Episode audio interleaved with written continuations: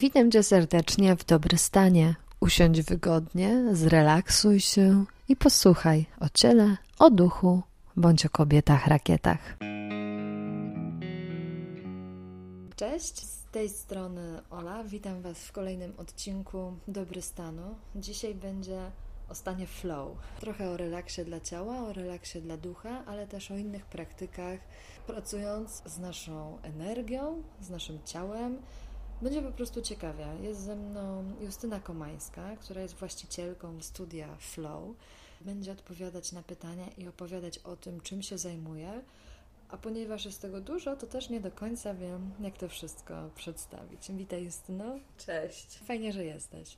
Też się cieszę. Zanim przejdę do odpytania Ciebie, to chciałabym powiedzieć, że partnerem tego odcinka jest marka Wege Kiosk. Jest to marka które tworzy naprawdę, słuchajcie, przepyszne, różne wegańskie żarełka. Ja ostatnio zjadłam sześć różnych humusów i przysięgam, pochłonęłam je naprawdę ekspresowo z rodziną, łącznie z naszymi dziećmi, też im bardzo smakowało. Więc polecam Wam tam zajrzeć na ich stronę internetową, w sensie bądź na Facebooka, Instagram, zwłaszcza jeśli szukacie nowych, oryginalnych smaków, które są związane z dietą wegańską. Dzięki. Justyna. Zacznijmy od tego, skąd w ogóle nazwa flow, bo ja kojarzę takie pojęcie, jeśli czegoś nie przekręcam, a istnieje możliwość, że coś mi się pomyliło w głowie, że jest w psychologii takie pojęcie stanu flow.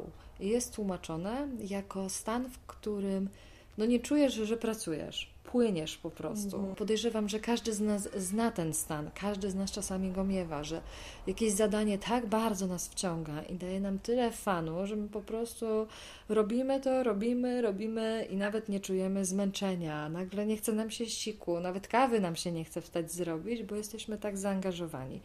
I psychologia właśnie określa to stanem flow, chyba że się pomyliłam i jest to trochę inna nazwa. Czy nazwa właśnie Twojego gabinetu jest z tym związana? Powiem, że nie słyszałam tej definicji, ale wcale nie twierdzę, że takiej nie ma, czy takiej części jakiejś tam psychologii.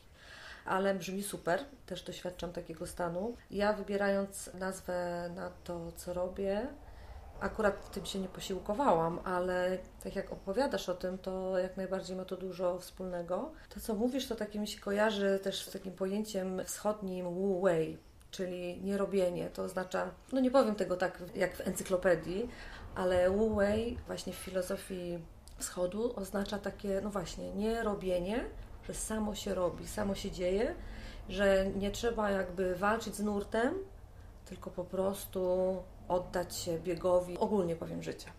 To jest moje rozumienie oczywiście. I jak myślę o flow w ten sposób, to też to jest taka składowa tego, co ja robię. Dla mnie flow spina to, co robię, czyli spina masaż, razem z Qigongiem i właśnie z gimnastyką zdrowotną Qigong z elementami tej Chi, które prowadzę też spina tak naprawdę na siadówki ziołowe, które robię z kobietami. Dla mnie flow jest stanem przepływu, jest stanem, kiedy płynie, no nazwijmy to energia, tak, ale to, co robisz, czy to, co w tobie, jakiś proces, one po prostu płyną. Czasami w życiu mamy takie poczucie zastoju i takiego zamrożenia w różnych dziedzinach, czy to może być w pracy, w zdrowiu, w relacjach, w emocjach. Jest takie, że chciałbym ruszyć, chciałbym swój potencjał jakby w pełni rozwinąć, ale coś mnie powstrzymuje. I tu nie ma flow jakby, coś nie płynie. I dlaczego nie płynie? Mogą być różne powody. Oczywiście w różnych dziedzinach, w różnych warstwach różne przyczyny. I tutaj w masażu, na takim bardzo fizjologicznym poziomie, fizycznym, no to zwyczajnie mamy spięte mięśnie, czy jakieś urazy, czy ścięgien mięśni, powięzi, no to po prostu coś tam nie do końca płynie, nie? Czy to jest limfa, czy krew, minerały, czy składniki budulcowe nie mogą się przemieszczać po prostu po ciele swobodnie, na takim zwykłym fizycznym poziomie. I to nie jest jedyny poziom dla mnie w masażu, to jest jeden z poziomów. Są głębiej, są, nie wiem, czy głębiej, czy gdzieś obok, nie wiem do końca jak to jest. Są emocje i często jest tak, no przynajmniej ja tego doświadczam i obserwuję, że w ciele zapisane są emocje. Można to nazwać traumą, ale jest to dla mnie bardzo duże słowo, ale jakiś dyskomfort związany z czymś, co niefajnego się wydarzyło i nie przerobiliśmy tego. To się zatrzymuje wszystko w ciele, w układzie nerwowym, w mięśniach, w powięzi. I masaż ma ogromną moc, że po prostu dotrzeć do tych miejsc, niekoniecznie w sposób myślowy, że ty do końca wiesz o co chodzi. Czasem wiemy, bo w trakcie masażu nam się też ujawnia, po prostu mamy wspomnienie, skojarzenie, uczucie i to nas doprowadza, jakby co było powodem danej kontuzji. To jest ogromny temat w ogóle, także tu można gadać godzinami. To nie jest tak, że ktoś do mnie przyjdzie i ja go uwolnię z wszelkich blokad. To jest taka współpraca, gdzie ja po prostu wyczuwam, moje dłonie wyczuwają, mój oddech wyczuwa. Masując zwłaszcza całe ciało, to jest wspaniałe, bo można dotrzeć do różnych zakamarków i moje dłonie gdzieś tam czasem się zatrzymają, gdzieś przytrzymają, gdzieś wezmę głębszy oddech razem z osobą masowaną i się okazuje po tym masażu w trakcie rozmowy, że o kurczę, tutaj mi się coś przypomniało, albo tutaj poczułam wzruszenie, a to mi się z czymś tam wiąże i czuję się teraz lżej. Czasem nawet nie umiemy tego nazwać, co się do końca wydarzyło, ale jest mi lżej, nawet nie tyle fizycznie, co psychicznie. Albo przychodzą różne no, wizje w sensie, że o, chcę to zrobić, chcę pójść w tym kierunku, ale byłoby pięknie zrobić coś.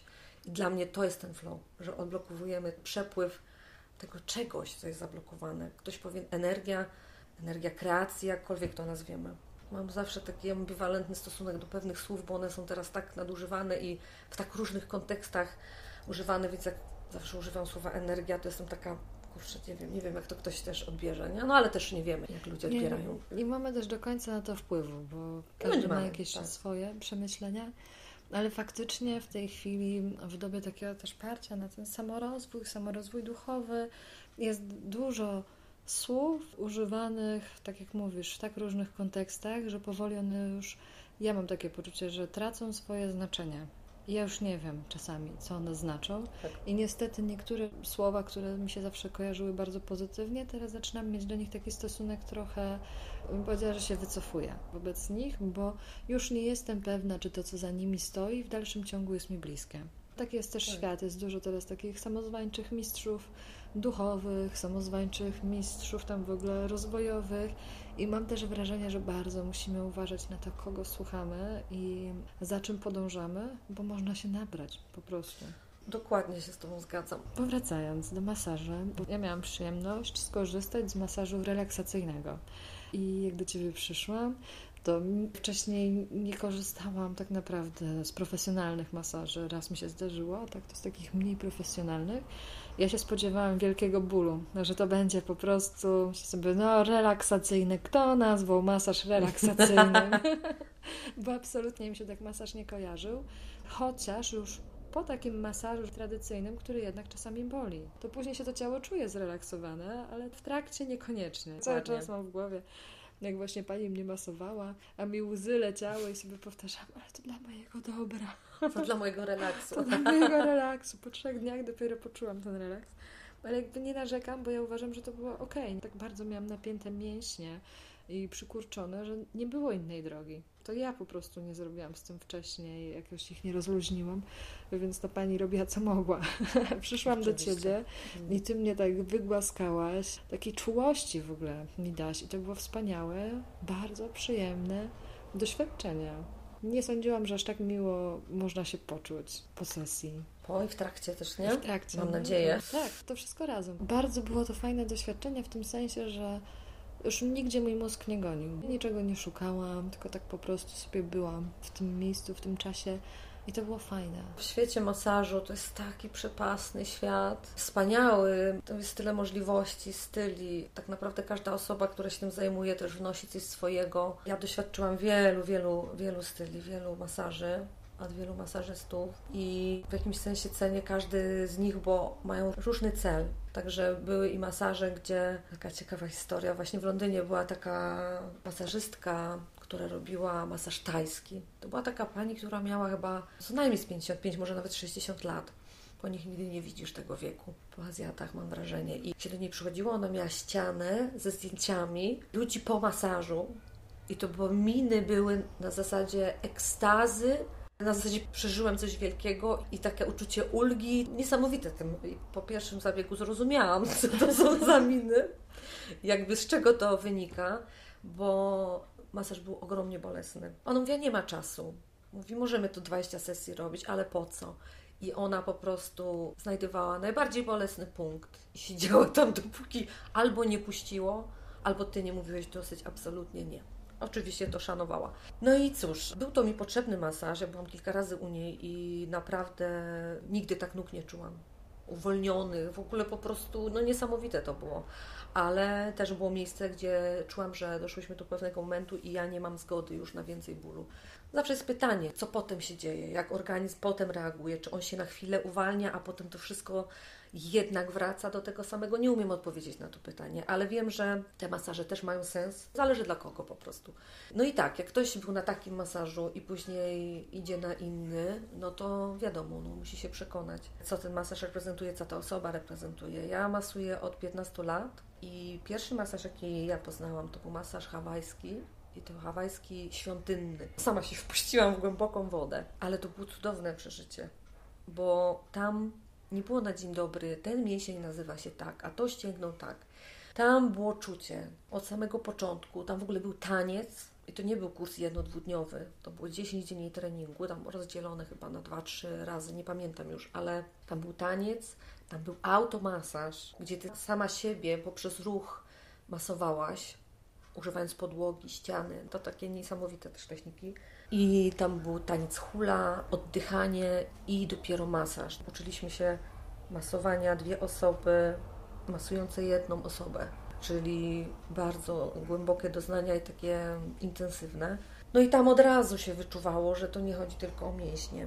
Masaż hawajski świątynny wywodzi się z tradycji świątynnej, czyli kapłani masowali królów, wodzów po to, żeby oni mogli po prostu pod wpływem tego masażu połączyć się z wyższą jaźnią czy z bogami i po prostu znaleźć odpowiedź na swoje pytanie, czy wiedzieć, co robić, jaką decyzję podjąć. I czasem te masaże, tak przynajmniej się twierdzi, trwały bardzo długo. Masażyści się zmieniali. Więc to było takie połączenie z czymś wyższym. I ja to jakby odczułam na tym kursie bardzo mocno, tylko mnie nie wzięło do nieba na zasadzie spotkałam się z Bogiem. Ja się spotkałam z moimi traumami, jakąś tam bardzo mocną traumą bycia w łonie mamy i co moja mama tam przeżywała. I to było po prostu niesamowite. Ja wtedy byłam młoda, bardzo, bardzo młoda, miałam 20 parę lat, 20 chyba raczej bliżej trzech może. No i ja jakby nie miałam terapii ze sobą, ja, ja nie widziałam jakby, nie? I tu się dotykało przez ciało, poprzez czuły dotyk, bo masaż hawajski jest masażem bardzo czułym i nazywa się go masażem kochających dłoni. To jest tak, że po prostu przepiękne. Widzisz takie coś na plakacie, myślisz, ale kicz, nie? Mhm. Ale autentycznie tak było. I motywacja, i to, co osoba masowana chce Ci nie tyle przekazać, ale jej nastawienie, to jest właśnie to, że jakby ona Cię chce przybliżyć do, do źródła po prostu. Ale nie chce Cię przybliżyć na siłę. Ona po prostu ma intencję, niech się wydarzy najlepsze dla Ciebie. I ty, leżąc na stole, ty tą intencję sobie wypowiadasz, czy masz pytania. Nie musi być intencja, chcę być bogata. Nie wiem, czy to działa, czy nie działa, ale na przykład co mam zrobić, albo jaki byłby kolejny krok, albo coś mnie uwiera, co to, o co chodzi. Więc to jest taka forma terapii, autoterapii też. Ja to akurat miałam szczęście zaznać bardzo szybko, bo na tym kursie i akurat było tak, że ja miałam wrażenie i po mojej twarzy było widać, jak ja bym odmłodziła się o 10 lat. W ogóle jestem osobą poważną i melancholijną troszeczkę i taki mam, mam taki rys, ale wtedy to ja byłam, jak patrzę wstecz, ja byłam bardzo stara. I to było okej. To po prostu był taki czas, był to efekt, wiadomo, pewnych przeżyć, historii mojej i okej, okay, ale ten masaż to był taki właśnie, że tak intuicyjnie zupełnie wybrałam ten masaż i w ogóle, że chcę się go uczyć. A jest to masaż bardzo intymny też, bo tutaj jest dużo tego ciała odkrytego, jest dużo oleju, jest dużo kontaktu. Nie tylko dłoni dotykają, przedramiona dotykają, czasem gdzieś ta noga się oprze o ciebie. Więc to było takie niesamowite przeżycie. I ja przez pierwsze lata byłam w tym nurcie, ale też nie umiałam wyjść do ludzi za bardzo z tym, bo to było tak głębokie i nie byłam gotowa na to. I miałam scenariusz swój jeszcze w głowie, się cały czas działał jakiś tam scenariusz, że przecież ja tego nie umiem, ja nie potrafię. No i takie różne historie, więc ja to robiłam tak bardziej hobbystycznie, gdzieś tam jakiś masaż raz na jakiś czas. No i potem dopiero też będąc w Londynie uczyłam się dalej, uczyłam się masażu takiego holistycznego, czyli całościowego, z akredytacją organizacji ITEC, która jest rozpoznawana, nie powiem na całym świecie, ale w wielu krajach. Po drodze były inne style, czyli jakiś mm, masaż głowy. W Indiach nauczyłam się masażu całego ciała plus masażu marma, dotyk motyla. Później tutaj w Polsce japoński masaż twarzy. No, trochę się tego uzbierało. I tak naprawdę ta cała moja ścieżka przez tyle lat to było po to, żeby po prostu z czasem poczuć ten mój masaż. Dlatego tutaj na mojej ulotce przeczytasz flow aromaterapia, flow relaksacyjny, flow gorące kamienie. gorące kamienie terapeutyczny. Bo tak naprawdę osoba, która do mnie przychodzi, każda dostaje coś innego. Wiadomo, ja mam pewien repertuar technik, i rozmawiam, co jest potrzebne, jakie osoba ma potrzeby. Czy chce więcej oleju, czy mniej, czy w ogóle nie chce oleju, czy chce mocno, czy chce niemocno, czy przychodzi po prostu się zrelaksować, czy jest w jakimś głębokim procesie terapeutycznym czasami i chce z ciała po prostu coś uwolnić, czy chce przyjrzeć, co siedzi w ciele albo chce coś puścić i to jest piękne. Może być w terapeutycznym, może być takim rozwojowym po prostu procesie jakimś. I dla mnie, co widzę, co działa, to tak naturalnie się stało, to jest po prostu dotyk, który nie ocenia. To jest dotyk no właśnie kochających rąk, ale ja tego nie używam na ulotce. Ale jest to akceptacja tej osoby taką, jaką ona jest teraz na stole, z jej historią. Ja nie muszę znać tej historii. Ja nie dopytuję. Jak ktoś oczywiście ma ochotę przed masażem się podzielić czymś, czym jest obecnie, okej, okay, super, ja wysłucham. Absolutnie nie doradzam, absolutnie nie terapeutyzuję, bo nie jestem terapeutką, ale czasami to jest piękna część też tego masażu, bo to ta dana osoba jakby sobie coś wychodzi na wierzch, przychodzi z czymś, co jest na wierzchu i później ten dotyk jeszcze to otwiera, otwiera albo po prostu wygładza, no nie wiem, różnie. Dzieją się różne rzeczy w zależności od tego, na, na co jest otwartość, na co jest ten dany moment i czego ta osoba potrzebuje. Moja intencja jest taka, że ta osoba ma dostać to, co najlepsze w tym momencie dla siebie, na co jest gotowa. I ja czasem nie wiem, co się wydarzy. Znaczy, nigdy nie wiem, co się wydarzy. Czasem są łzy, czasem ich nie ma. Czasem jest po prostu, ale fajnie, czuję się lekko, a czasem jest, wiesz, jakoś mi smutno. I to wszystko jest po prostu autentyczne, takie jak ma być. Mam takie podejście. Wtedy się no, najpiękniejsze rzeczy dzieją. Także ja tak pracuję. Nieśpieszność w masażu to się sprawdza. Zatrzymania to jest coś takiego, co ja odkryłam, coś, co poczułam, że jest ważne, bo ja w ogóle jestem osobą pędzącą. Więc dla mnie masaż jest terapeutyczny, dla mnie jako dla masażystki, bo ja wpadam w jakby taki no, czasem trans, tak? Że tak jakby nie ma tutaj takiego myślenia y, z głowy, tylko jakby podążam za czuciem, podążam za ciałem, za oddechem i nagle nie wiem, zatrzymuję się albo są masaże tak powolne, że patrząc wstecz myślę, jak ja mogłam zrobić taki powolny masaż i nie męczyłam się, to po prostu moje ciało tak chciało i ta osoba tak chciała, tak odbierała. Po oddechu czuć, tak? Czy słychać, czy ta osoba bierze ten masaż, czy po prostu się broni. Więc ja nie walczę na łóżku ja myślę, że takie miejsca, gdzie my możemy poczuć się ok, tacy jesteśmy, i zaakceptowani dotykiem po prostu. Bo dużo jest historii różnego dotyku, czasem braku dotyku, czasem nawet braku dotyku w stosunku do siebie, nieakceptacji własnego ciała, nieakceptacji siebie. My mamy tego masę. I ja myślę, że takie miejsca, czuję, że takie miejsca, gdzie my możemy poczuć czyjś dotyk i że jesteś ok, no to jest po prostu dla mnie terapeutyczne i bardzo cenne. Bezpieczne.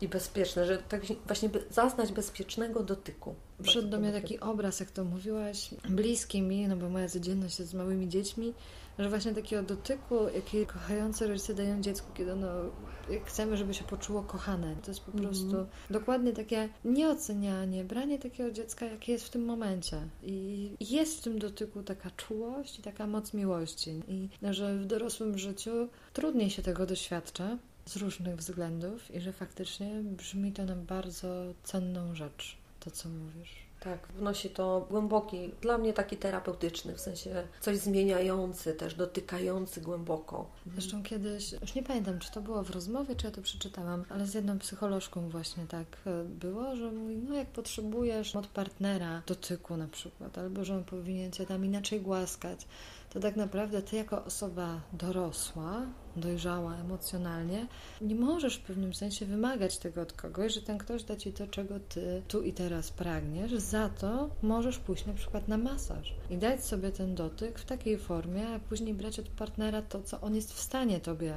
dać i jak potrafi i próbować to rozmawiać, ale jeśli czujesz, że twoje ciało po prostu potrzebuje jakiegoś rodzaju dotyku, można i w ten sposób. Oczywiście. No, jak się idzie na 90 minut masażu, gdzie terapeuta, no masażysta po prostu jest 100% skupiony na tobie, na twoich potrzebach. Powiem szczerze, no rzadko chyba jest taki partner, na pewno są tacy, ale który w ten sposób po prostu tak się dotknie, bo wiadomo, jak jesteś w parze, to też są jeszcze te wszystkie emocje, różne też pod dywanem sprawy i tak dalej, to wszystko też się przykłada na dotyk. A tutaj jest po prostu, no, osoba, której ufasz, no bo jednak ktoś przyszedł do ciebie, do mnie jako do masażysty, to już musi być doza zaufania, ale często też w trakcie masażu albo po jest, że byłam zadziwiona, jakie zaufanie po prostu poczułam do ciebie i jaką otwartość.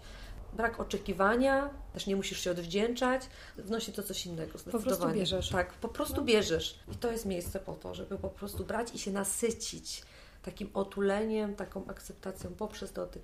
Zresztą ciekawe, bo mm. użyłaś słowa terapeuta i się poprawiłaś na masażysta. Wiesz co, bo jak mieszkałam w Londynie, to tam się mówi massage therapist, więc ja trochę mieszam czasem pojęcia, bo w sumie to w Polsce no mówi się masażysta nie mówi się terapeuta, więc ja tak mieszam trochę, nie? W tym sensie, że nakładam tą kalkę angielską. Tam się mówi massage therapist. Ale ładnie to zabrzmiało, jakby nie chcę tutaj terapeutą takim psychologicznym odbierać ich funkcji, ale że ta terapia przez ciało, właśnie związana ze świadomym dotykiem, z uwalnianiem mm. jakichś napięć, jest równie ważna. I że czasami w tej terapii, w której gadamy, nie pójdziemy o krok dalej, dopóki my nie odblokujemy ciała i że zagadać możemy wszystko każdą emocję, możemy ją zagadać, mm. możemy ją sobie intelektualnie wytłumaczyć, możemy od niej uciec. Mamy sprawdzone sztuczki najróżniejsze, no, ale od ciała nie uciekniesz.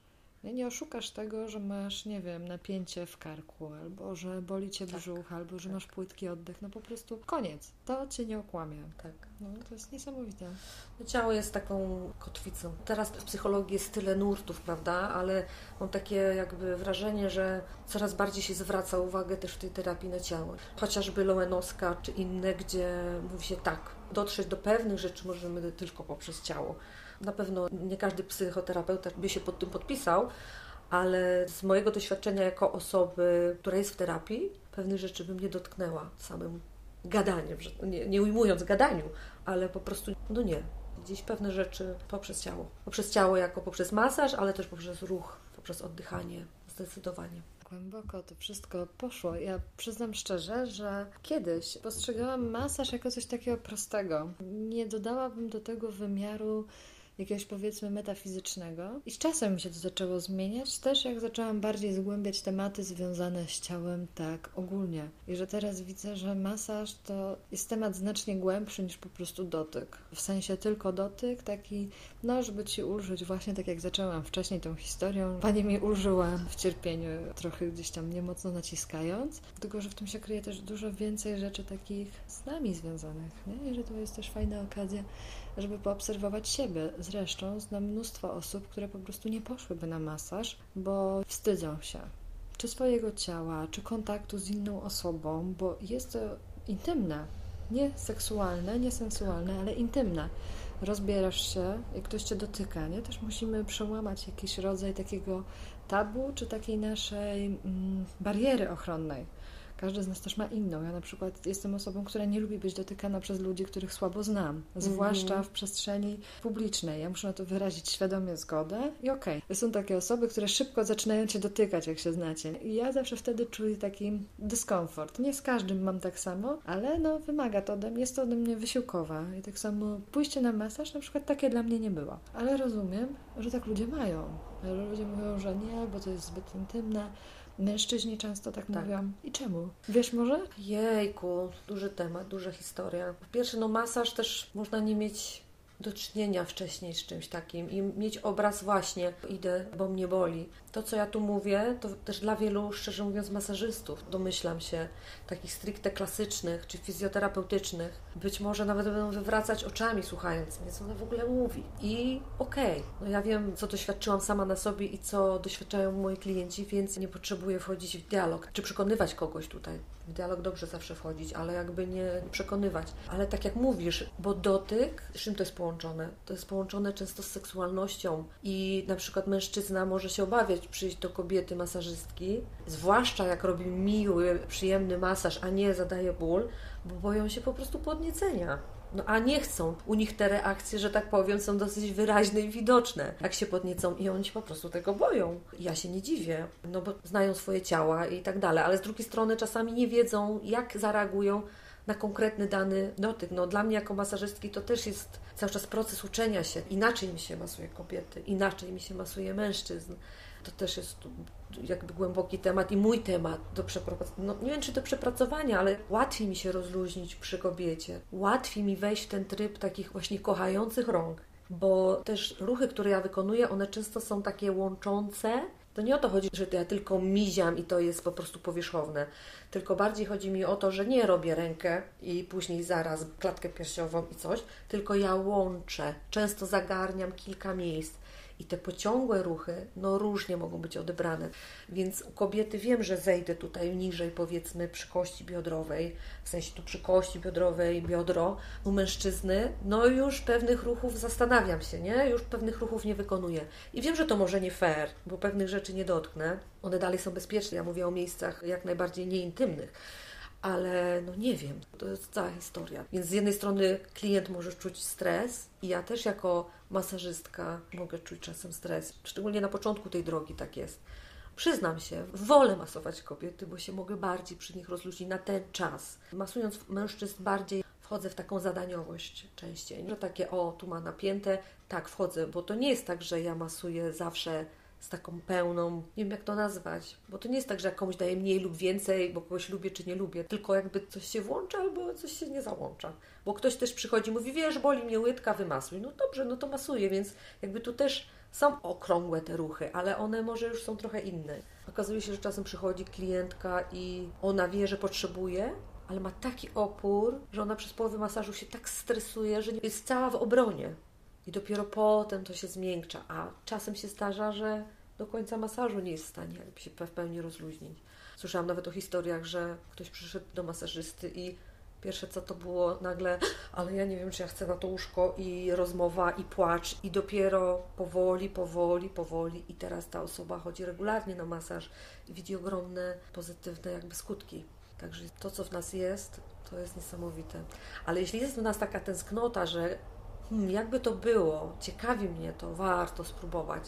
Widzimy różne ulotki, różne filmiki, osoby się prezentują, jak poczujesz, o, to byłoby ok, warto spróbować, bo to jest całe bogactwo się po prostu kryje za tym. A czy jest coś takiego, co osoba przychodząca na masaż może zrobić, co naprawdę będzie takim pas, w sensie, no nie wiem, na przykład jak przyjdzie mężczyzna i się podnieci, no reakcja fizjologiczna. Fizjologiczna. Po prostu na to, że ktoś dotyka, jest miło, czy to jest coś złego, jak się tak wydarzy? Dla mnie to nie jest nic złego, jeśli nic za tym nie idzie, na zasadzie klienta jakby zachowania dalej. No bo jeśli to się wydarzy i mężczyzna zaczyna swoim zachowaniem pokazywać, że to miałoby do czegoś prowadzić innego niż masaż, no wiadomo, no to to już jest pas, tak? To jest przekroczenie granic. Ale mi powiem szczerze, że ja miałam tylko jedną taką historię gdzieś tam w Londynie. Nic absolutnie się strasznego nie wydarzyło, no ale zachowanie ewidentnie było takie wskazujące, że chyba pan ma inne intencje. No ja to wychwyciłam tak, no nie wiem, dosyć szybko i powiedziałam mu wprost, żeby było jasne, że to jest masaż taki taki, jeśli pan liczy na coś innego, no to musi pan po prostu opuścić gabinet. No wtedy on powiedział, nie, absolutnie. I jego w ogóle zachowanie, ruchy ciała, wszystko się po prostu zmieniło, więc ewidentnie może nie miał złych zamiarów, znaczy zamiarów, że musi się to skończyć seksualnie dla niego, ale może badał. Może badał, może to się zdarza. No różne są też. Yy miejsca, w różnych miejscach różnie. No, są różne... Różnie bywa. Oczywiście, no są mhm. miejsca, gdzie idziesz na masaż i masz też, jak to mówią, bonusy i okej, okay, no ktoś to robi i tak decyduje się robić i to jest okej. Okay. A u mnie jakby fopa, no nie, myślę, nie, jakieś fopa, raczej fopa, raczej truty jest jak bardzo rzadko się zdarzało, ale że ktoś na przykład na dzień dobry opowiadał coś o innych masażystach, jak to oni coś tam kiepsko, albo no to to jest takie, bo już wiesz, że masz do czynienia ze sobą bardzo krytyczną, no bo co innego jest powiedzieć, lubię, nie wiem, mocny masaż, a miałam kiedyś lekki, poproszę mocny. No to jest różnica niż wydawanie się w szczegóły, co tam kiedyś mhm. na jakimś masażu i że ktoś coś bardzo kiepsko albo coś. No to,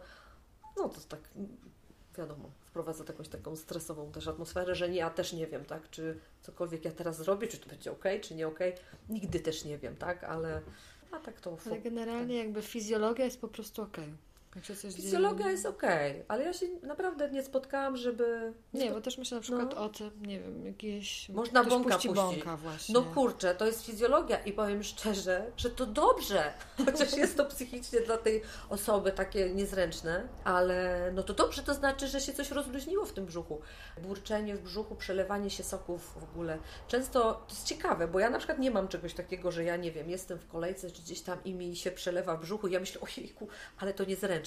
No dla mnie w ogóle. Ale są ludzie, dla których to jest niezręczne, wtedy mówią oj, oj, oj, nie? A ja mówię, że to wspaniale, bo to oznacza, że układ nerwowy się rozluźnił i wreszcie te soki mogą popłynąć. To jest fantastyczne. I działa. Tak, tak, to znaczy, że działa. Oddech się pogłębia, to po takich rzeczach też się tak, ale jeśli chodzi o te fopa, no to A czy może być na przykład, że ktoś jest za gruby, za chudy na masaż, że jego ciało jest nie takie? ale masz na myśli, że ta osoba tak myśli o sobie? Czy że masażysta mógłby tak Nie, ocenić? no generalnie, że osoba tak o sobie myśli, czy faktycznie dla masażysty ma to znaczenie? No powiem tak, no jak przyszedłby do mnie 200-kilogramowy mężczyzna i chciał bardzo mocny masaż, to tak, no ja mu po prostu nie jestem w stanie. Ja mam 1,60 i po prostu nie zrobię mu takiego mocnego masażu jak powiedzmy inny mężczyzna, nie ujmując kobietom. Ale jeśli chciałby po prostu taki masaż na tyle, na ile ja mogę, z takim wygłaskaniem, to tak mogę to zrobić. Za chudy, no nigdy mi się nie zdarzyło, żeby ktoś był. Są osoby bardzo szczupłe, ale tam zawsze jest jakiś mięsień, są, a po prostu nie tylko mięśnie masujemy, tylko powięzi, stawy, nawet samo to, że przytrzymujesz gdzieś rękę, lekko ściskasz, no to wszystko jest częścią masażu. Także bardziej ludzie, tak, to w ogóle jest historia, zwłaszcza kobiety, ile razy słyszałam, przepraszam, ale nie ogoliłam nóg, albo przepraszam, ale mam celulit. No niesamowite, ale ja z wielkim szacunkiem w ogóle podchodzę do tych historii, bo ja wiem, co to znaczy borykać się z czymś tam w swoim ciele. I dla mnie wielkim w ogóle uznaniem jest to, jak kobieta ma otwartość, żeby mieć masowany brzuch i ma otwartość, żeby mieć masowaną klatkę piersiową. To jest przepiękne po prostu. Oczywiście tu nic na siłę, bo jeżeli ktoś się nie czuje, to nie. Są takie dni w miesiącu, gdzie ja bym się nie dała dotknąć brzuch. Po prostu, no bo jestem przed miesiączką i pewnie by to dobrze mi zrobiło, ale a może nie. Ale są pewne momenty, że no nie. Każdy ma do tego jak najbardziej prawo, ale jeżeli jest taka furtka, zwłaszcza właśnie tu z brzuchem, z klatką piersiową, warto z tego skorzystać. Jeśli się poczuje oczywiście dobrze z tym danym masażystą czy masażystką, to w ogóle nie ma nic wspólnego z erotyką.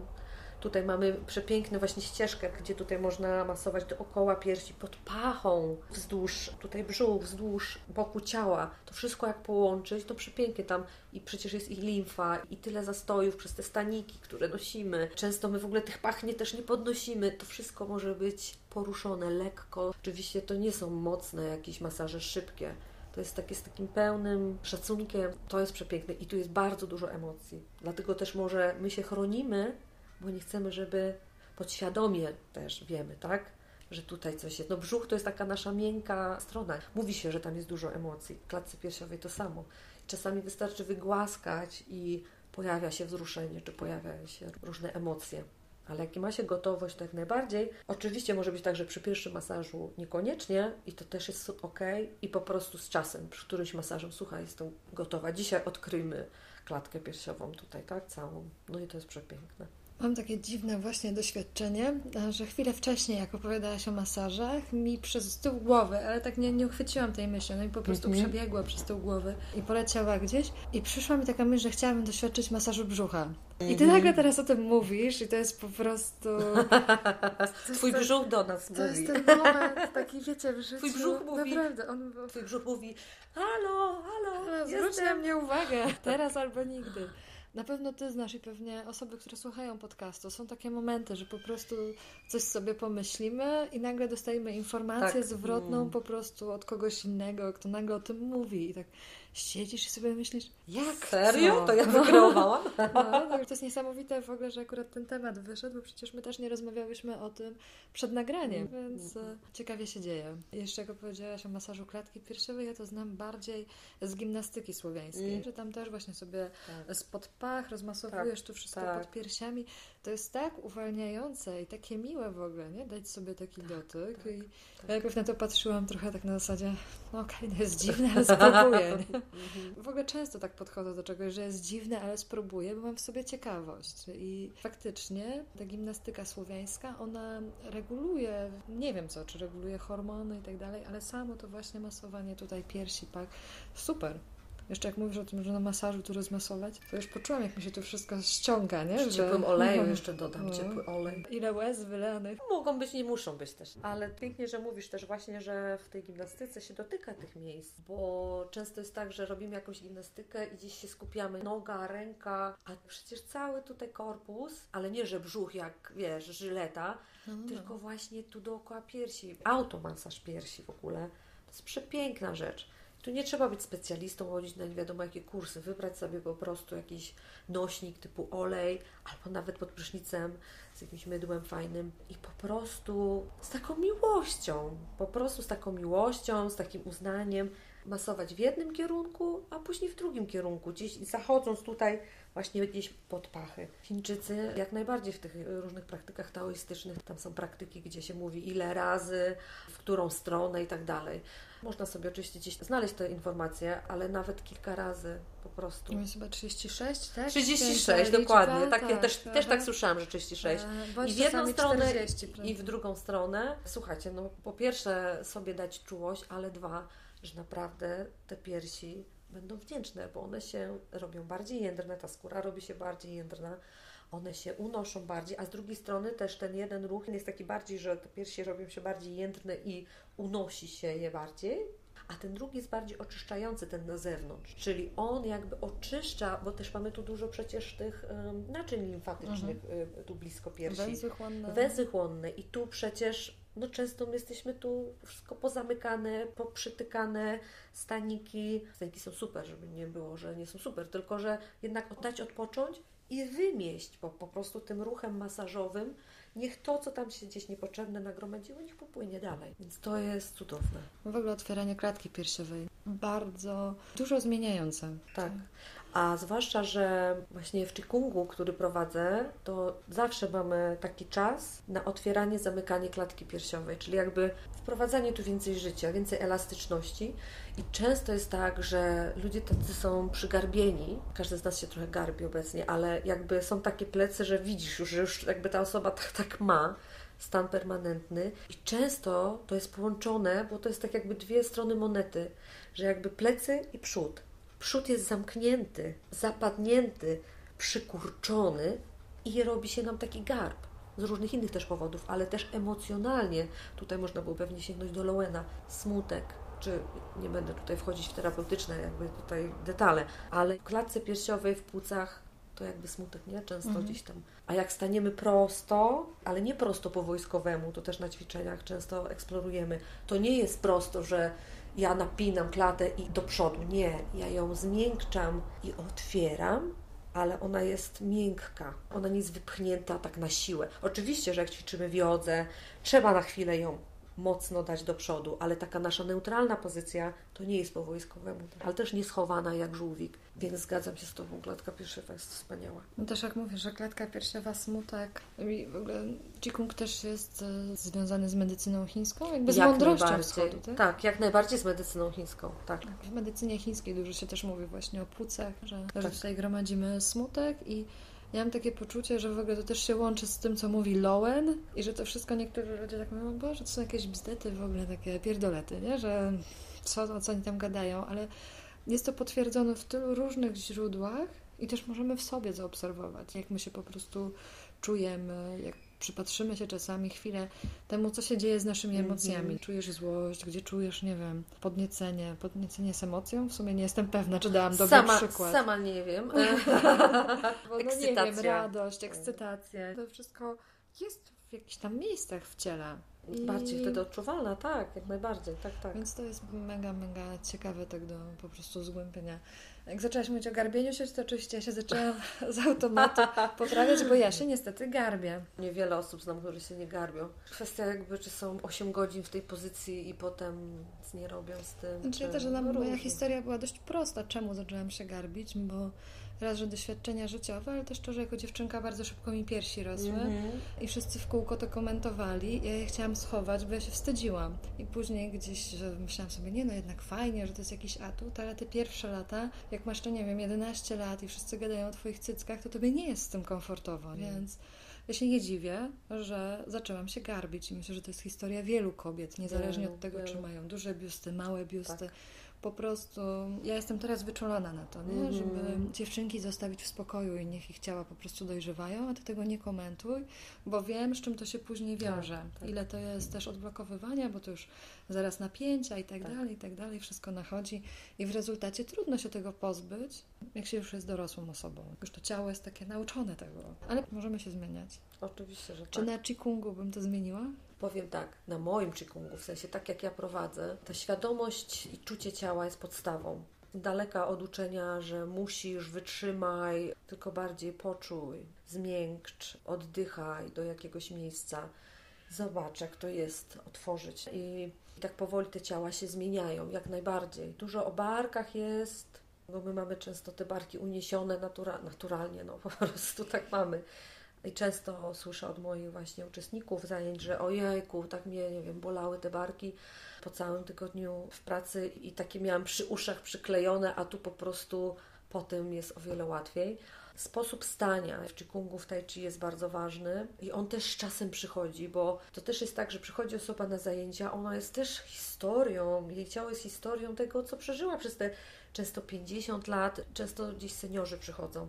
I no jak ja mogę garbiącą się osobę, która ma masę przykurczy, ustawić, bo to czasami są takie dziedziny, dyscypliny, gdzie się ustawia.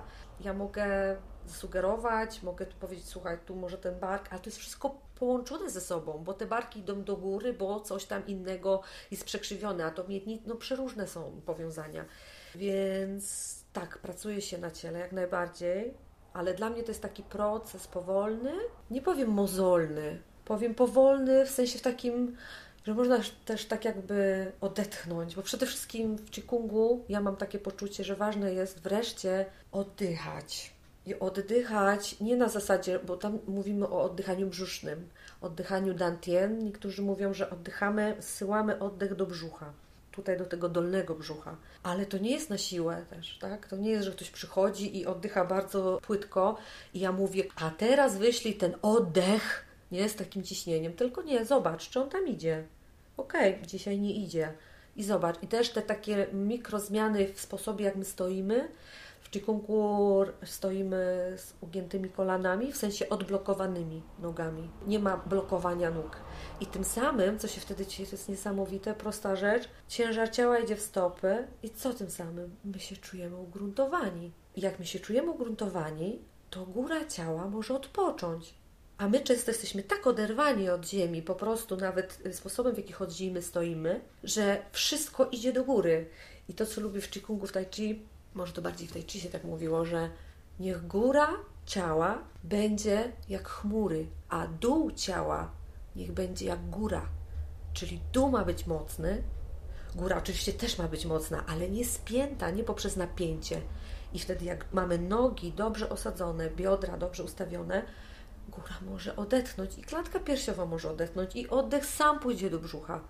A oddychanie brzuszne, no to wszędzie już, w każdej dyscyplinie słyszymy i w mindfulness, i w innych technikach relaksacyjnych, to nam masuje w ogóle wszystkie narządy, to nas dotlenia, układ nerwowy, nerw błędny się relaksuje i tak dalej. To jest całe bogactwo. Więc dla mnie Qigong to jest takie bogactwo, że ja nie wiem, jak mam o tym mówić, ani jak to reklamować, powiem szczerze, bo to taka głębia tego jest. Mam wrażenie, że każdy coś kiedyś słyszał o Chikungu, albo przynajmniej widział, jak, jak to jest dziwnie zapisane, Bardziej chyba tai chi kojarzą. ale E, tak no, naprawdę czym to jest? To są ćwiczenia? To są ćwiczenia, to jest bardzo bogata dziedzina, ale tak ja swoimi słowami bym powiedziała, że są to ćwiczenia. Różne warstwy też się tutaj porusza, bo tu nie jest tylko sam mięśnie i same ścięgna. Tu też chi gong, chi energia, gong praca, praca z energią, tak naprawdę jakby przetłumaczyć. Ale też znowu wracam do tego, w naszej kulturze energia i tak dalej. Więc tak, to jest zakorzenione w medycynie chińskiej, gdzie mówi się o tym, że przez nasze ciało przebiegają meridiany, czyli ścieżki przepływu energii, które przechodzą przez wszystkie nasze narządy, ścięgna i tak dalej. I po prostu ta energia płynie.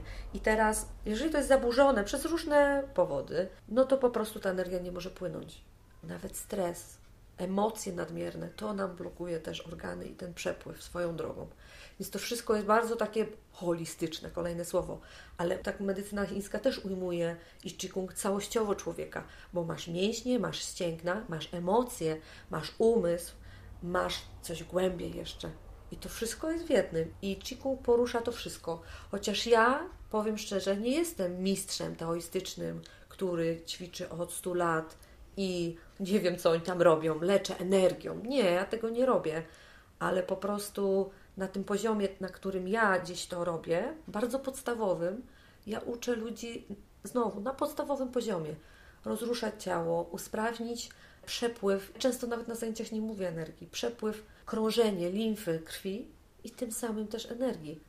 I nie musimy tego nazywać. Czasami ludzie mówią, ale czuję ciepło w dłoniach. Co to jest? Albo czujemy jakieś mrowienie. No to jest właśnie energia. I ja do końca sama nie wiem, jak to wykorzystywać. Ja jestem naprawdę na początku, więc się przyznaję do tego, ale na tym poziomie początkowym to wystarcza i to daje bardzo dużo. Czasami kładziemy sobie ręce na różnych miejscach, gdzie mówię coś takiego na zajęciach, a teraz jak czujesz ciepło, połóż sobie po prostu, gdzie czujesz, że potrzebujesz uważności, czy kolano, czy gdzieś i oddychaj. I rzeczy się same dzieją albo nie dzieją. Sama jestem na drodze poznawania tego wszystkiego i sama poszerzam czucie swoje i swoje doświadczenie w tej dziedzinie. Więc jakby pewne rzeczy, wiadomo, są wyczytane, pewne rzeczy są z mojego doświadczenia, więc ja najskuteczniej uczę tego, co po prostu sama przeżyłam. Czuję te skutki pozytywne. I nawet to, że oddychamy głębiej, że oddychamy do brzucha, że jesteśmy jacyś tacy lżejsi, że nasze ciało staje się gibkie, elastyczne, pełne gracji, to jest dla mnie magia. I to w bezstresowych warunkach, wśród fajnych ludzi, gdzie nie ma musisz, bo trzeba, nie ma straszenia, nie ma, wiesz, weź się w garść, weź się za siebie, ćwicz codziennie. Uff, Zostało prostu... 100 dni do lata. 100 dni do lata. Tak. Masz ostatnią tak. szansę, żeby zabłysnąć na plaży. Tak, także ciało się zmienia, ale zmieniają się też emocje, podejście. Dla mnie to też pięknie można to wpleść w całość też swoją jakąś tam rozwojową, czy po prostu z takiego dbania o siebie. A gdzie jest ten mindfulness? A właśnie w Qigongu i w Tai Chi jest ten mindfulness, bo to jest nazywane też medytacją w ruchu, bo tu masz po prostu sekunda po sekundzie masz po prostu odczucie tu i teraz ciała, co robię, jak łączę ruch z oddechem i magia się dzieje, jak połączymy ruch z oddechem. Po prostu umysł się często wyłącza, a my mamy go non-stop po prostu w pełni odpalony. I takie właśnie dziedziny jak Qigong, czy taniec intuicyjny, czy yoga, czy taka gimnastyka słowiańska, to ten umysł może wreszcie ten gadający umysł, ta małpka nasza po prostu może odpocząć przez chwilę. I wtedy się dociera do takiej przestrzeni czegoś głębiej, czegoś więcej, albo nawet po prostu takiego uff, lekkości po prostu. Także takie jest moje doświadczenie, dlatego kocham Qigong, kocham Tai Chi, kocham taniec intuicyjny też, gdzie nie ma muszę, chociaż różnie się uczy, to różne dyscypliny, nawet w Qigongu może być spięcie, zależy jak się tego uczy. Ja dochodzę po prostu do lekkości i że to jest bardziej terapeutyczne niż muszę i powtarzać codziennie, bo i tak dalej. To jest taki nowy wymiar ruchu, w takim sensie, że w tej kulturze diet, w której wyrastamy, w kulturze ciała, ale nie kontaktu z ciałem, tylko wypracowanego ciała. Że ono musi wyglądać w jakiś sposób w kanonie. Mm -hmm. Najlepiej, żeby było szczupłe i mniej mm -hmm. lub mhm. bardziej muskularne, zależy czy mówimy o kobietach czy o tak. mężczyznach to qigong, gimnastyka słowiańska, yoga, taniec intuicyjny są formy ruchu, które niekoniecznie robisz je po to, żeby schudnąć czy wyrzeźbić ciało, tylko robisz je z intencją zdrowia, dla swojej przyjemności, po prostu radości z ruchu, dlatego że chcesz mieć, no nie wiem, kręgosłup, który będzie elastyczny i jak masz lat 30 i 60, to jest zupełnie inne podejście do ruchu bez takich spinek, którą też mówię o swoim doświadczeniu, ale załóżmy znam z lekcji WF-u. Musisz biegać w taki i w taki sposób na 100 metrów, tam nie pamiętam ileś.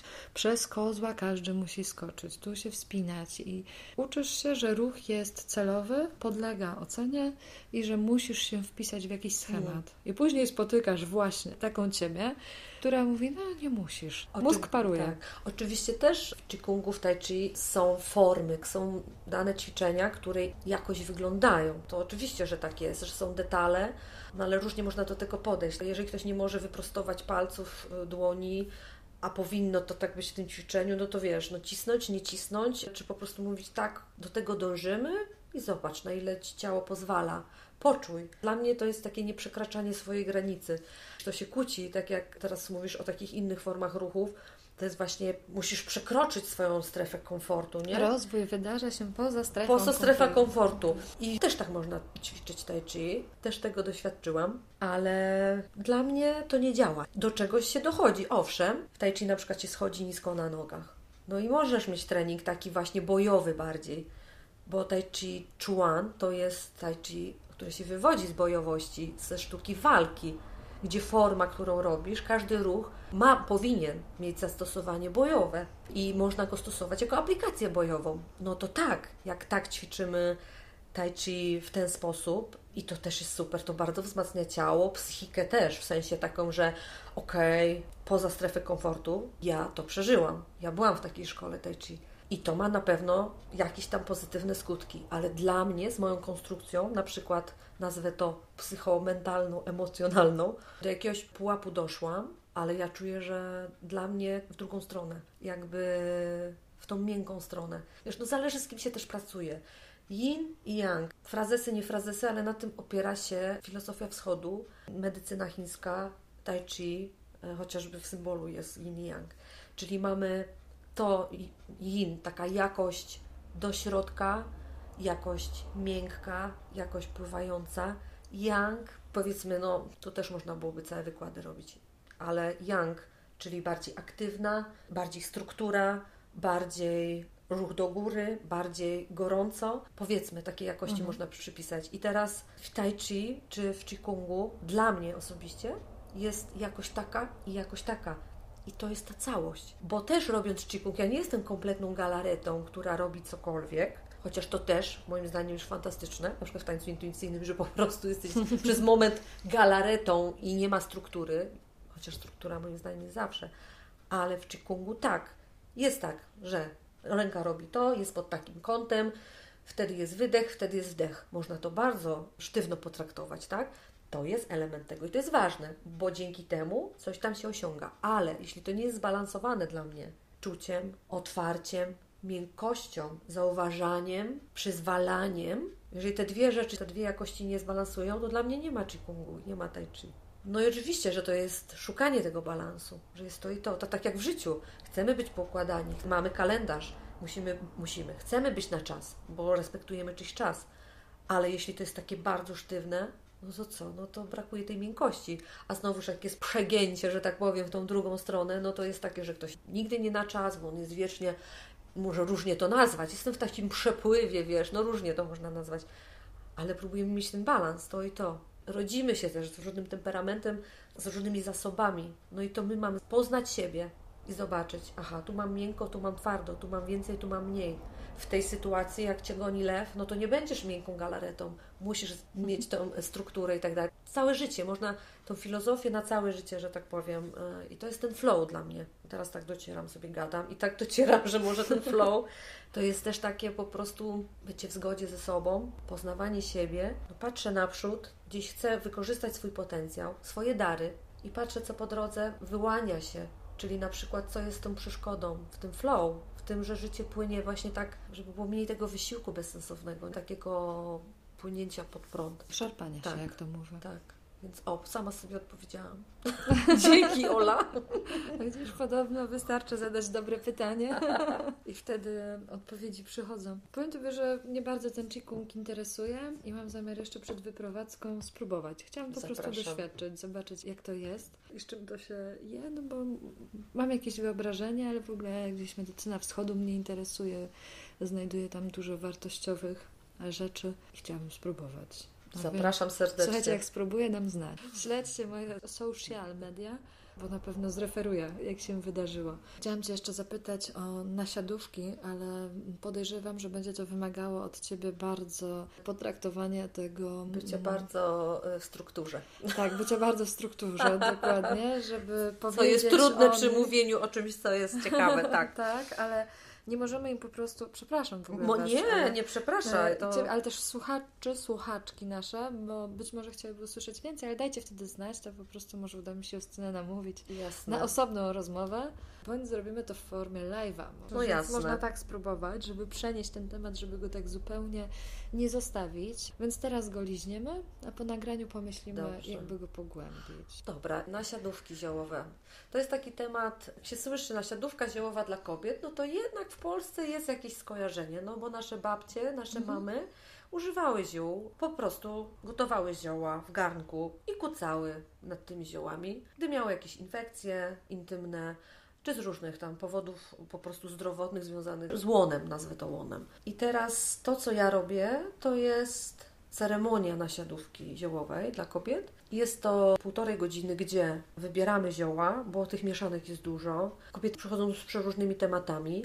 Czasem to są jakieś takie zdrowotne typu mięśniaki, endometrioza, cysty, a ktoś może mieć po prostu menopauzę i nie wiem, przechodzi w stronę menopauzy, a ktoś po prostu nie ma nic, ale chce dać uwagę, dać uważność na to miejsce, na łono, na joni, tak się nazywa na wschodzie, po prostu naszą waginę też i tutaj to miejsce intymne. I ta nasiadówka może to wszystko dotknąć, czyli może bardzo fizjologicznie, a może też emocjonalnie, bo tak jak wcześniej mówiłyśmy, w ciele są gdzieś zatrzymane emocje i w naszym w łonie no to jest masa tematów, nawet porodowych, poporodowych, są poronienia przecież, no przeróżne, ciężkie też tematy. To też tam mieszka. My nie, nie dajemy dostatecznie dużo uważności temu miejscu. Czasem nawet nie wiemy, jak ono w ogóle wygląda. Tu nie, tylko chodzi o waginę, tu chodzi też o naszą macicę, chodzi o nasze jajniki, o tu całe łono. Lubi to słowo, bo to jest tak obejmuje wszystko. I przy takiej ceremonii to ja jestem taką towarzyszką, czyli rozmawiamy, wybieramy zioła, można sobie taką intencję też, po co ja chcę tą nasiadówkę zrobić. I później mamy masaż, też taki bardzo delikatny. Na początku, przed nasiadówką mamy masaż odcinka lędźwiowego, takim grzebieniem turmalinowym, potem jest nasiadówka, w trakcie ja jestem blisko, jak jest potrzebny dotyk, to dotykam. Wprowadzam w taką małą medytację, czyli właśnie skupienie na oddechu, jakieś tam czasem różne się podpowiadajki gdzieś tam włączają, czyli czucie, świadomość, oddech. To trwa około 10 do 15 minut, takie pierwsze nasiadówki. Później można sobie, w zależności od sytuacji, nawet 40 minut siedzieć, na przykład w domu, nad takim garnkiem. I potem pół godziny z takiego odpoczynku, gdzie ja masuję twarz, dekolt i to jest takie ukojenie, otulenie. I później jest podsumowanie jakby. Można później taką nasiadówkę sobie w domu robić. Ja wtedy doradzam jakby jaka mieszanka, jak często i po prostu można sobie w domu. Raz na jakiś czas oczywiście można do mnie zajrzeć. Robi się też takie ceremonie grupowe, gdzie ileś kobiet naraz siedzi. To też jest magiczne. To akurat y, nie organizowałam jeszcze tego, bardzo bym kiedyś chciała, ale brałam udział w czymś takim. No i tutaj jakby, tak jak wcześniej był Twój podcast o kręgach, to tu jest jeszcze taki element nasiadówki w tym, gdzie są ruszone tematy właśnie z łona, więc często się okazuje, że tematy kobiet się zazębiają, wołają o jakieś takie uwolnienie po prostu, czasami emocjonalne, czasami jakieś no przeróżne. Także też może być to bardzo fizjologiczne, a może być głębsze. To już bardziej w skrócie nie umiem. Jeszcze pytanie takie do mnie przyszło. Mi się właśnie nasiadówka kojarzy z tym, że nasiadówka się robi przy jakiejś chorobie. Czy robiąc ją bez choroby, można sobie zaszkodzić? Wszystkim można sobie zaszkodzić. Ziołami też można sobie zaszkodzić pewnie. Ja nie jestem lekarzem oczywiście, ale na moje takie czucie, jak zrobisz sobie raz w miesiącu przed okresem, na przykład jak nie masz żadnej choroby, tylko po prostu masz napięcie przedmiesiączkowe i rozgrzejesz to miejsce 10 minut ziołami, no to dla mnie to może tylko przynieść. A poza tym cały czas wracamy do świadomości i czucia. Jeżeli w trakcie czujesz, że to mi się nie widzi, no to po prostu nie robisz.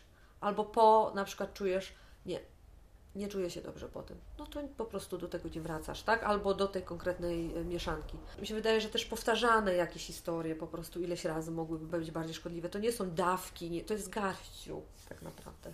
Więc wydaje mi się, że no oczywiście jak jest jakaś taka sytuacja, że ktoś ma jakieś krwawienie, o którym nie wiem, są oczywiście przeciwwskazania, po prostu wtedy się tego nie robi. Więc też jest taka procedura, że się pyta o ileś tam rzeczy, żeby było wiadomo. A w ciąży się robi? W ciąży robi się po 38 tygodniu i to jest jakby tak o, przygotowanie do porodu. Oczywiście to powinno być skonsultowane z lekarzem, ale robi się to na porodówkach, słuchajcie, w Czechach. To jest w ogóle hit od iluś lat już tam położne robią nasiadówki w pierwszej części porodu, w pierwszej fazie porodu, na porodówce. Jest mniej cięć, poród lepiej idzie, jest większe rozluźnienie. Krocze się po prostu No całe tak. nagrzewa, ale nawet zioła przecież one mają swoje działanie, każde zioło. Więc y, niesamowite. Robią teraz, nawet jakiś dokument gdzieś mi śmignął po czesku, więc y, robią jak najbardziej badania, statystyki, jak to zadziałało i tak dalej. No, więc tak jest w, Ciekawe. Czech, w Czechach. Tak. I połóg, fantastyczny czas na robienie nasiadówek. Oczywiście, wiadomo, masz malucha, to nie masz czasu i tak dalej, ale to w całym świecie się połogowe zioła są znane. Nie pamiętam, gdzie to było, chyba w Kambodży. Tam się robi przez dwa miesiące codziennie, jeśli ma się warunki, po porodzie nasiadówkę. I te zioła zajmują się po prostu tą przestrzenią. One się tam chwalą, że jakby to powiedzieć w podcaście, Możesz Opłaca wprost. się, opłaca się to, bo po prostu później są jak dziewice, tak, tak mówią, że tam to wszystko się zbiega, Może tak działa, że się skurcza, obkurczająco, tak, obkurczająco. oczyszczająco też, bo tu po prostu te złogi, ta reszt- resztka, co tam może jeszcze pozostać. Więc warto. Żałuję, że ja po moim porodzie, No właśnie teraz Nie. też tak poczułam, że dla mnie połóg był strasznym czasem. tak, Przynajmniej po pierwszej ciąży. W drugiej już wiedziałam bardziej, co mnie czeka, więc byłam też mniej zaskoczona. Ale tak powędrowałam w wyobraźni tamtego czasu i wyobraziłam sobie, że to mogłoby być wtedy pomocne. Przyjemne nawet tak dla głowy po prostu. Bo wątpię, że miałabym wtedy głowę do tego, żeby robić to codziennie. Ale brzmi to jako praktyka warta rozważenia. jak najbardziej. Temat e, nasiadówek mnie pociągnął. Chciałabym go pogłębić, ale musimy to po prostu przenieść na inny format, bo widzę, że liznąć to, to jest mało i to jest takie nie do końca fair. Ledwo można coś usłyszeć ciekawego, więc słuchajcie, ja się zobowiązuję, że po prostu wymyślimy, w jaki sposób to zrobić i poinformuję na pewno, gdzie będzie można się dowiedzieć więcej. A tymczasem, Justyno, powiedz, gdzie Ciebie znaleźć, e, gdzie można skorzystać z Twojej Mhm. oferty, która wykracza zresztą poza to, co powiedziałaś, bo nie było ani słowa na przykład o japońskim masażu twarzy, Mm. o którym chciałabym się dowiedzieć, o metamorficznym, czy jak wcześniej przeczytałam, metafizycznym masażu stóp, co brzmi dla mnie po prostu wow. Uwielbiam masaż stóp, więc fajnie by było, żebyś po prostu powiedziała wszystkim, jak Ciebie szukać, Mhm. gdzie korzystać z Twojej mocy, mądrości i usług. Działam w Zielonej Górze. Gabinet znajduje się na zaciszu, w zacisznym miejscu akurat, więc wchodzi się tak przez taki ogródeczek i tam działam na Agrestowej 75, a zajęcia Qigong prowadzę obecnie w środy i w soboty, w Arigato na Batorego w środę wieczorem o 18 i w Fitmani o godzinie 9 w soboty rano. Naprawdę warto wstać wcześniej w sobotę rano, ale można przychodzić raz w tygodniu, na przykład w środę albo dwa razy w tygodniu. Tak można mnie znaleźć. Jesteś też aktywna na Facebooku, Jestem. Instagramie i TikToku. Instagramie mniej, ale tak, na Facebooku można mnie znaleźć jako Flow, F-L-O-W, Justyna Komańska i tak samo na TikToku i Instagramie. Dziękuję Ci bardzo za rozmowę. Bardzo Ci dziękuję, Ola. Dziękuję za wysłuchanie odcinka. Mam nadzieję, że sprawił Tobie przyjemność, że przyniósł Ci inspirację i że po prostu to był miło spędzony czas. Jeśli podobało Ci się to, co słuchałaś, słuchałeś, koniecznie wyślij ten odcinek do swoich przyjaciół i bliskich ludzi. Jeśli masz ochotę, możesz też być ze mną w kontakcie w social mediach. Dobry stan znajdziesz zarówno na Facebooku, jak i na Instagramie. Jeśli podoba Ci się ten podcast, jeśli lubisz dobry stan, to możesz wesprzeć mnie w tworzeniu tych treści. Możesz zaprosić mnie na wirtualną kawę, bądź wejść na portal Patronite i zostać matronką bądź patronem dobrostanu. Dzięki.